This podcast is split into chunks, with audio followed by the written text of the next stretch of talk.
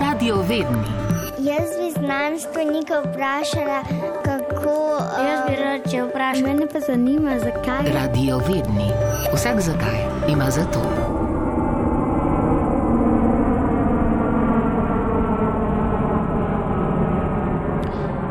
Pozdravljeni ob spremljanju nove epizode Radiovednih, v kateri smo se tokrat znašli med hrupom letališča. Kar nekako smo pozabili, kakšen je zvok potniških letal, zdaj ko so potovanja že skoraj dve leti močno omejena.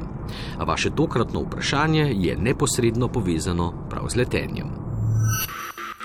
Kako to, da lahko med potovanjem v letalu brez težav dihamo, če pa smo tako visoko nad tlemi? Landingkürze mit dem Sinkflug Richtung Mauritius beginnen. Verbleibende Flugzeit in etwa noch 30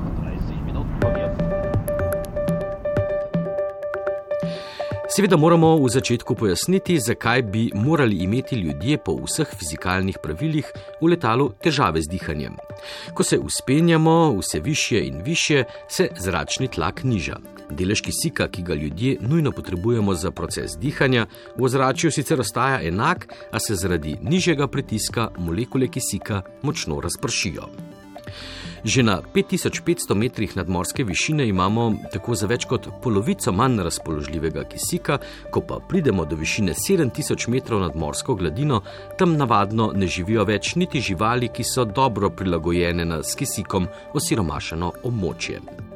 Ko torej plezamo, hodimo, se vozimo ali opravljamo katerokoli drugo dejavnost, na tako veliki nadmorski višini bo naše telo zaradi pomankanja kisika kazalo znake višinske bolezni, kot so denimo glavobol, slabost, omotica in otekanje obraza.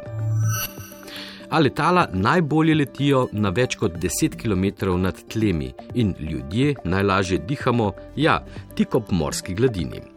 Zdaj vidite, v čem tiči problem. Kako so ga inženirji strojništva rešili, razlaga dr. Viktor Šajn, docent za mehaniko na fakulteti za strojništvo Univerze v Ljubljani in vodja tehničnega inštituta. Letalo je v resnici ena velika, oziroma predvsem trup letala je ena velika posoda in to pod tlakom. Ravno zaradi tega, ker na tej višini človek ne bi mogel zdržati več kot eno minuto recimo, kot je višina 10.000 metrov, eno minuto ne bi mogel zdržati več, in potem bi padel nezavest, in seveda v nadaljevanju tudi, nažalost, umrl. Ne.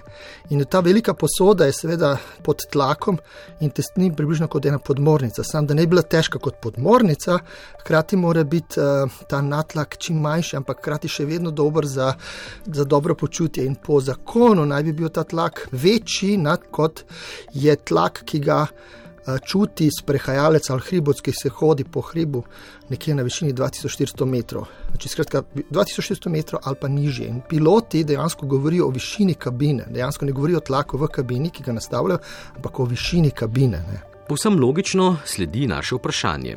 Če letala na krovu nimajo dodatnih rezervoarjev kisika, kako ohranjajo dovoljšnjo količino tega plina v potniški kabini?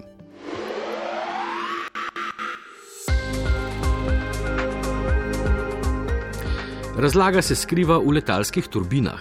V motorju se zrak iz zunanjosti letala ob pomoči ventilatorjev najprej dobro premeša, nato pa močno stisne, kar povzroči segrevanje, ki v kombinaciji z gorivom letalo poganja naprej. A ker je zrak močno stisnjen in je posledično tudi delež kisika v njem velik, ga izkoristijo tudi za dihanje potnikov. Preden ga spustijo v kabino, se mora zrak seveda še ohladiti, saj se v postopku tlačenja segreje tudi do 250 stopinj Celzija.